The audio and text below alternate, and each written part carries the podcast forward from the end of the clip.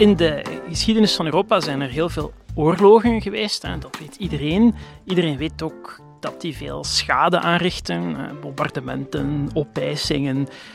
Maar ook dat in veel gevallen het vechten niet beslissend is geweest. Uiteindelijk komt de concrete oplossing aan het einde heel vaak uit een koker die al veel langer meegaat. En dat is de koker van de diplomaten.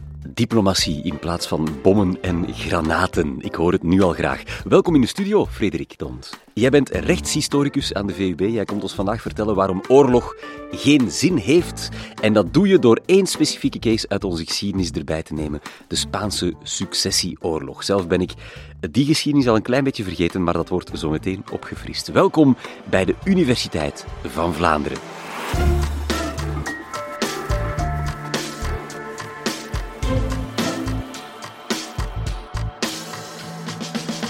Frederik, wat doet een rechtshistoricus zoal? Ja, dank je, goede vraag. Uh, een rechtshistoricus is iemand die jurist is, uh, en meestal ook historicus, die meestal de beide diploma's heeft, en die probeert om de fundamenten, de grote principes, de mechanismes die achter het recht vandaag zitten, terug te traceren in het verleden. Of die probeert om een beetje afstand te nemen ten opzichte van de onmiddellijke actualiteit, door te gaan kijken naar een bepaalde periode of naar een bepaalde tak van het recht. Bij mij is dat de geschiedenis van het publiekrecht, dus je zou kunnen zeggen geschiedenis van het recht dat te maken heeft met de staat of met de politiek, zowel binnenlands als buitenlands. En mijn periode is de 18e en ook een klein beetje de 19e eeuw. En vandaag komen de geschiedenis en de rechten uh, opnieuw samen, want we gaan het hebben over waarom oorlogen perfect vermeden hadden kunnen worden als we maar sneller naar diplomaten hadden geluisterd? Wel, ja en nee. Er zit heel veel waarheid in het idee dat hoe hard er ook gevochten wordt in een oorlog, het zeer zelden zo is dat je de tegenstander een beslissende klap kan toedienen. En diplomatie, instellingen, gesprekken, dat associëren veel mensen met de wereld van vandaag, hè, met de Verenigde Naties, met de Europese Unie. Maar dat is al heel oud. Hè. En als we denken aan ons eigen land, wij kennen nu al een heel lange periode van vrede. Dat was vroeger helemaal anders. Ook toen wij zogezegd het slagveld van Europa waren, werd er ook gepraat en waren er ook diplomatieke onderhandelingen om problemen op te lossen die tot oorlog hadden geleid. En je hebt, om uh, dat punt te illustreren, één specifieke case meegebracht: de Spaanse successieoorlog. Wat was die oorlog en wat heeft dat met ons te maken? De Spaanse successieoorlog heeft zich afgespeeld in het begin van de 18e eeuw. En die ging, zoals het woord het zegt, over de successie, de erfopvolging van de koning van Spanje. Nu kan je denken, uh, Spanje, hè, leuk land, schoon weer, vakantie, wat heeft dat met ons te maken? Wel zeer veel. Hè. De luisteraar herinnert zich waarschijnlijk nog van op school dat Karel V, de keizer, dat hij geboren is in Gent bij ons, dat er een opstand is geweest eind 16e eeuw, waarbij het huidige Nederland ongeveer, om het heel grof te zeggen, zich heeft afgescheiden van de Spaanse monarchie. De koning van Spanje, dat was in 1700 eigenlijk ook nog altijd de hertog van Brabant, de graaf van Vlaanderen, de graaf van Namen enzovoort. Wij waren ook nog de onderdanen van de koning van Spanje op dat moment. En als hij sterft in 1700, dan is er een probleem. Hij heeft geen kinderen. Vandaag zou ons dat een beetje triviaal, een beetje zonder ernstige consequenties lijken, maar in die tijd was dat een heel ander mouwen. Heel Europa had het gevoel dat de Spaanse monarchie up for grabs was. Dat iedereen zijn stukje zou kunnen nemen. En helaas voor onze gebieden is het zwaartepunt van die oorlog opnieuw bij ons uitgevochten. Als je in Brussel toekomt op de grote markt, hè, volgens sommigen een van de mooiste pleinen van de wereld, en je kijkt even rond, dan zie je een prachtige gevel, helemaal verguld, met een gesculpteerde kop van iemand waarvan men zegt... Oh, c'est pas vraiment une belle gueule, hè? hij ziet er niet zo mooi uit. Dat is koning Karel II van Spanje, de laatste kinderloze Habsburger. Die staat op die markt, omdat die markt is platgeschoten door de Fransen. Een paar jaar voor dus uh, de oorlog uitbreekt, was er al een heel groot conflict bij ons. Ik denk dat dat heel symbolisch is om de luisteraar thuis te doen realiseren dat wij in het kookpunt stonden van internationale politiek en dus ook op het slagveld van Europa lagen in dat grote conflict. En dan kwam er dus uh, na de dood van die Karel II kwam er een successieoorlog. Was dat een lange, grote oorlog? Hoe zag dat conflict eruit? Wel, een oorlog is natuurlijk altijd een ruzie tussen twee of meerdere partijen. En Karel II van Spanje die had familiebanden met twee grote machtsblokken in Europa. Het eerste, dat is natuurlijk al redelijk evident, ik heb dat al een beetje weggegeven. Wie beschiet de Brusselse grote markt? Dat is La France. Lodewijk XIV, Le Roi Soleil, de zonnekoning, is zelf de zoon van een Spaanse prinses. Hij is ook getrouwd met een Spaanse prinses en hij vindt dat een van zijn afstammelingen de Spaanse monarchie zou moeten kunnen erven. Daartegenover staat de andere kant van de familie van Karel II, de Oostenrijkse Habsburgers. Dat zijn degenen die heersen in, uh, in Wenen, in Bratislava, in uh, Budapest, in het centrum van Europa. Die familie wil ook de hele Spaanse monarchie. Dan weet u, als twee partijen vechten om hetzelfde been, dan zouden ze vandaag bij ons naar de rechtbank gaan. Helaas worden erfenissen vandaag uitgevochten, ook voor de rechtbank. Er zijn nog heel veel geschillen over. In die tijd is er niet echt een rechtbank bevoegd om de Spaanse monarchie te verdelen. Dus dat komt tot een groot conflict. Het is heel belangrijk voor het vervolg van ons verhaal dat de luisteraar beseft dat men daar eigenlijk al decennia op aan het speculeren was, dat men dat aan het voorbereiden was. En er zijn akkoorden geweest waarbij de Fransen soms, soms is de Fransen en de Oostenrijkers, op papier hebben gezet dat ze eigenlijk beseften dat die monarchie moest worden verdeeld. Maar waarom zou je dat moeten verdelen? Wel, dat zit eigenlijk al een beetje vervat in het feit dat die koning van Spanje ook bij ons de vorst was, de soeverein. Dus niet alleen bij ons. Latijns-Amerika, Mexico, Peru, eh, stukken van Italië, Sicilië, Sardinië, Napels, Milaan, plekken waar u graag op vakantie gaat. Wel nu, als u in de zomer door Europa rijdt, dan komt u door heel veel gebieden van de Spaanse monarchie in 1700. Iedereen zit er naar te kijken. Als een van die twee grote machtsblokken alles krijgt, dan zorgt dat quasi automatisch voor een Europese oorlog. Dus er was eigenlijk al wel een soort voorakkoord over een eventuele opsplitsing van dat rijk, en toch kwam het tot een oorlog. Hoe dan?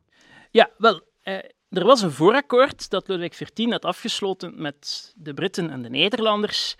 Maar natuurlijk, het is heel gemakkelijk om op papier te zetten dat je andermans goed gaat verdelen. De koning van Spanje was daar zelf geen partij bij. En de andere concurrenten Oostenrijkers die wilden daar eigenlijk niet van weten. Dus ja, goed, dat verdrag bevat wel een intuïtie. Dat is een soort van blauwdruk voor het latere vredesverdrag. Maar wat gaat er gebeuren? Een maand voor Karel II overlijdt, een maand voor de koning van Spanje, die op de Grote Markt staat, uh, overlijdt, maakt hij een testament. En in zijn testament zegt hij, al mijn gebieden moeten gaan naar, ofwel Philippe Saint-Anjou, kleinzoon van Louis XIV, dus ofwel alles naar de Fransen, ofwel alles naar de Oostenrijkse Habsburgers, ofwel, als die het niet willen, gaat het naar de hertog van Savoie. En je moet zich voorstellen dat er een koerier rijdt naar het paleis van Versailles, waar veel luisteraars ook zullen geweest zijn, en dat hij daar het testament presenteert. Ludwig XIV die denkt, ja goed, als ik dat niet aanvaard, dan moet ik een oorlog voeren om gebieden te gaan afpakken van de Oostenrijkers. Dus dat wil ik niet. Dus ik ga het wel doen. Er zal waarschijnlijk wel een oorlog van komen. Maar dan begin ik toch al bijvoorbeeld met Spanje, met de zilvervloot die vanuit de Spaanse kolonies vaart, met onze gebieden, Vlaanderen, Brabant, met grote stukken van Italië aan mijn kant. En zo komt het onvermijdelijk tot een Europa van twee blokken, waar een groot conflict ontstaat. Hoe zagen die twee blokken eruit? Wel, aan de ene kant heb je logischerwijze de koning van Frankrijk en zijn kleinzoon Philippe van Anjou, die als El Rey Felipe, koning Philips, in Spanje wordt ingezworen. Als Philips V zal hij regeren, Ludwig XIV heeft de steun van in het begin een heel aantal kleine andere vorsten, zoals Beieren, Keulen, Savoie, Portugal. Aan de andere kant staat natuurlijk de Oostenrijkse Habsburgers, gesteund door de Britten en de Nederlanders en veel Duitse vorsten. Op dat moment lijkt het alsof we weer vertrokken zijn voor een oorlog van 10 à 15 jaar.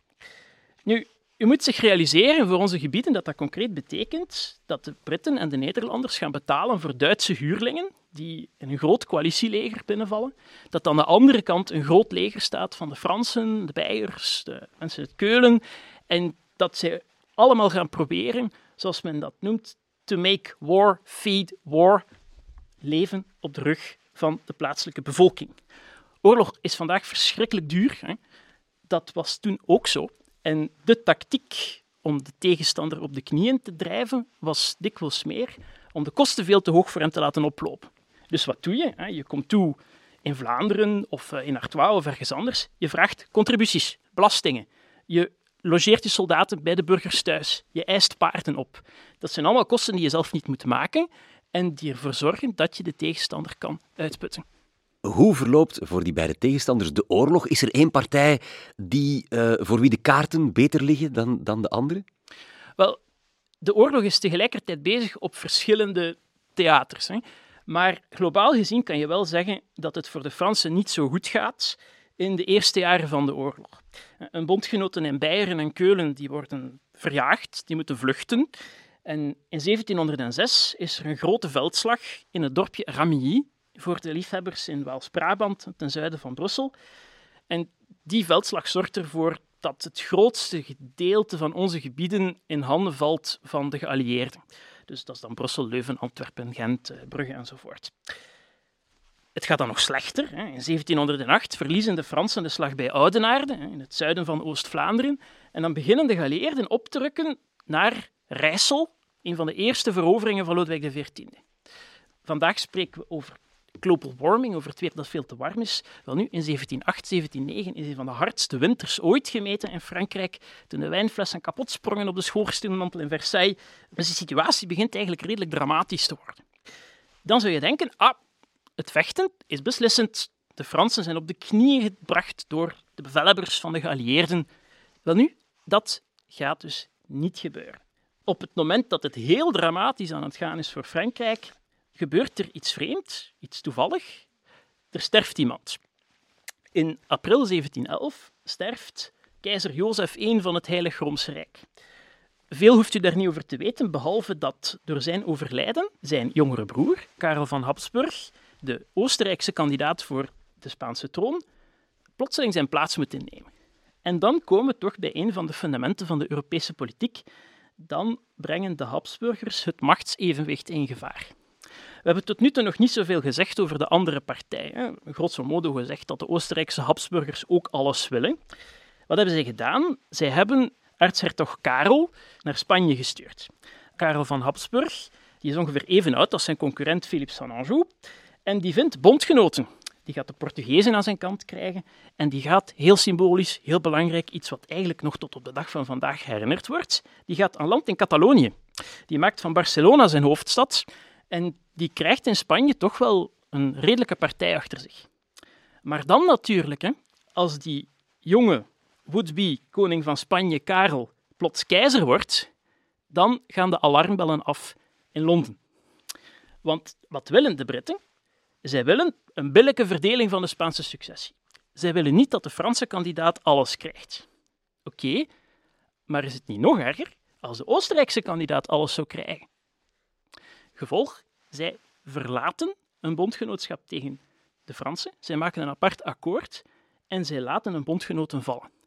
U leest soms of u hoort soms over het perfide Albion, de Engelsen die alleen aan zichzelf denken, die een bondgenoten laten vallen. Dat is eigenlijk gebeurd in 1711. Zij zijn uit de coalitie gegaan, zij trekken hun troepen stilletjes aan terug en daardoor kan Frankrijk niet meer worden verslagen. Dus we zitten hier met een heleboel betrokken partijen, uh, een heleboel historische gebeurtenissen in die um, ja, elf jaar zijn we nu ondertussen, denk ik, bezig in die oorlog. De oorlog zelf heeft niet tot een oplossing geleid. Hoe komen we uit deze padstelling? Wel, uit de padstelling komen, dat is iets wat men eigenlijk al probeert vanaf een jaar of vier of vijf vechten. De Fransen die benaderen apart de Hollanders en de Engelsen omdat zij weten, they're in it for the money. De Engelsen en de Nederlanders die willen een stuk van het Spaanse commerciële imperium. En een van de dossiers die vandaag een beetje choqueert, dat is het dossier van de Asiento de Negros. Het monopolie voor de import van tot slaaf gemaakte zwarte personen voor de Spaanse kolonies in Latijns-Amerika. Miljoenen mensen zijn verscheept van Afrika naar Amerika, naar Brazilië, naar de Engelse kolonies, maar ook naar de Spaanse kolonies. En de Engelsen die willen absoluut dat als een trofee om voordeel te halen uit de oorlog. de Fransen geven hen dat en ze gaan akkoord dat Philippe Saint-Anjou hen dat zal toestaan. Zij gaan ook akkoord dat de Engelsen Gibraltar houden. U heeft misschien gehoord met de brexit dat de inwoners van Gibraltar helemaal aan het zuiden van Spanje tegen de brexit hebben gestemd. Dat is nogal logisch, want ze liggen vlak aan uh, een ander groot EU-land, Spanje. De overdracht van Gibraltar gebeurt net in deze oorlog. En Gibraltar, ook Minorca, de Asiento de Negros, dat zijn symbolen van de uitbreiding van het Engelse commerciële imperium. De Engelsen worden, een beetje vulgair gezegd, rijk van de oorlog. Hè. En hun bondgenoten, die eigenlijk een beetje hun conculega's waren, de Nederlanders, die kunnen de prijs van de oorlog quasi niet meer betalen en die gaan gebukt onder grote schuldenlast. De Engelsen gaan weg, de Nederlanders zijn kwaad, want ze vinden dat de Engelsen hen verraden. De Duitse vorsten die met de Oostenrijkers vechten, die zijn ook kwaad omdat de Engelsen eruit gaan. Maar dat beslecht eigenlijk grotendeels de zaak. Daarna komt er een congres in Utrecht, dan gaat men twee jaar praten, maar dat verandert eigenlijk niet veel meer aan dat fundamentele uitgangspunt. En als we dan even een freeze doen op de kaart van Europa en kijken naar wat men verdeeld heeft, dan gelijkt dat toch wel heel erg op de plannen die er op voorhand al waren. Philippe Saint-Anjou neemt Spanje en de Spaanse kolonies. Karel van Habsburg neemt de rest, dus die neemt dan Italië en onze gebieden. Italië, stukken van Italië uiteraard. U zou zeggen, ja goed, eh, die twee jonge ambitieuze mannen die alle twee hetzelfde willen, die gaan na een paar jaar vechten en na al die slachtoffers toch wel settelen, een compromis maken. Dat is voor hen moeilijk. Het gaat nog jaren duren voor ze dat aanvaarden. Maar opnieuw, en dat is heel cruciaal, denk ik, voor een goed begrip van Europese politiek en ook voor de rol van het recht en van verdragen daarin, het zijn Frankrijk en Groot-Brittannië die doorslaggevend zijn. Als die twee een akkoordje hebben, dan kunnen de anderen dat niet meer contesteren. En dat zal ook zo blijken in, eh, in de jaren daarna. Er wordt uiteindelijk na 13 jaar een vrede getekend in Utrecht. En daar zit eigenlijk ook al een beetje een garantie op de toekomst in. Daar, wordt al, daar worden bepaalde restricties opgelegd over successie. Wel, de Britten zijn natuurlijk niet naïef. Hè, en zij willen zoveel mogelijk juridische garanties dat Philippe Saint-Anjou nooit zin krijgt om te zeggen: ja, maar mijn bon papa, mijn grootvader, dat is Louis XIV, ik ben petit-fils de France. Dus als er ooit niemand meer is om Ludwig XIV op te volgen, dan moet ik kunnen teruggaan. De Britten willen dat absoluut niet, want dat is natuurlijk een enorm probleem voor hem. Als je de commerciële macht van Frankrijk en Spanje samenneemt, bedreigt dat hun wereldimperium, zo je wil. Gevolg, Philippe Saint-Anjou die moet beloven dat hij nooit gaat terugkeren naar Frankrijk. En nog voor het verdrag getekend wordt, een paar weken ervoor, wordt die belofte plechtig geregistreerd door het Hoogste Rechtscollege van Frankrijk, het Parlement de Paris. De komende jaren keert Philippe Saint-Anjou niet terug. Dat is ook eigenlijk een kwestie van toeval. Als Ludwig XIV sterft, dan is er alleen een vierjarig, vijfjarig jongetje, de latere Louis XV, om de troon te bezetten. En dan lijkt het aan de Franse kant weer heel fragiel. Maar de diplomatieke constructie van Utrecht heeft het wel uitgehouden. En als je een beetje afstand neemt, dan zie je dat die verzaking van Philips V, die in een verdrag is vastgeketend, dat dat een bevestiging is van de voorheen geldende diplomatieke gedachte. We gaan dat hier moeten verdelen, of er komt een grote oorlog van. Als je de papieren leest hè, voor de liefhebbers van de diplomatieke correspondentie van de jaren na de oorlog, dan heeft men het altijd over la dernière guerre, de meest recente oorlog, die vreselijke oorlog die we niet meer terug willen. En als alternatief om die grote oorlog niet meer te krijgen, dat is de verdeling respecteren, het machtsevenwicht respecteren. En dat betekent dat de Spaanse monarchie voor altijd verdeeld is. De Spanjaarden vinden het natuurlijk niet leuk. Hè? U moet zich voorstellen, u bent een grote Spaanse edelman, een grande de Spanje, en u had graag vicekoning uh, geweest van Napels of van Milaan, of u was graag gouverneur-generaal geworden in de Nederlanden. Dat kan allemaal niet meer na 1713. Maar het zijn hier de noodwendigheden van de internationale politiek die de oplossing dicteren. Tussen haakjes ook voor Barcelona, hoofdstad van Karel van Habsburg. Barcelona verzet zich tegen Philips V. Barcelona wordt militair ingenomen op 11 september 1714 en dat wordt vandaag door de Catalaanse nationalisten gezien als het verlies van de vrijheid, omdat ze dan veel Franser, veel gecentraliseerder worden geregeerd. En zo leverde dus tot slot eigenlijk 13 jaar vechten in die Spaanse successieoorlog vooral geen militaire, maar diplomatieke oplossing op, die dan bovendien ook nog eens heel bepalend is geweest voor de toekomst die daarna kwam. Een oplossing die bovendien al voor de oorlog klaar lag. De contouren van een oplossing, of het principe dat er moest verdeeld worden, dat stond al decennia lang, zou je kunnen zeggen, eh, afgetekend. Hè. Daar is in de coulissen over onderhandeld. De oorlog heeft nog een ander gevolg gehad, iets dat weinig mensen beseffen en dat de laatste jaren enorm naar voren is gekomen. Het is eigenlijk het begin van de Europese nieuwsindustrie. Het nieuws over de oorlog wordt gedrukt, meestal bij onze buren in het noorden en het huidige Nederland. En de kranten, later ook de verdragenverzamelingen, die boemen omdat iedereen op de hoogte wil zijn van wat er gebeurt. En dat is eigenlijk ook het charmante als u gaat wandelen in de heuvels rond Ramilly of Oudenaarde. De dorpjes die u daar tegenkomt, die waren hot in de Europese pers begin 18e eeuw, op een moment dat de pers echt geboomd is. Op een moment dat de ligging van de heuvels, de rivieren, de aanvoerroutes bij ons nieuws waren voor de Spanjaarden, voor de Italianen, voor de Engelsen, voor de Zweden zelfs, eh, tot op zekere hoogte.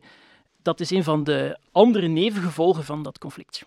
Dankjewel voor deze fascinerende historische wandeling, Frederik Dont. En je hint er al naar, als je graag wil weten hoe Karel II en de rest van al die Habsburgers aan hun nogal um, uitgesproken gelaatstrekken en kinnen kwamen, moet je vooral eens naar podcastaflevering 277 uit deze reeks luisteren met gedragsecoloog Wendt Muller. Dan kom je ineens ook te weten of ook jij verliefd kan worden op je broer of op je zus. Heel graag tot daar of tot een volgende keer.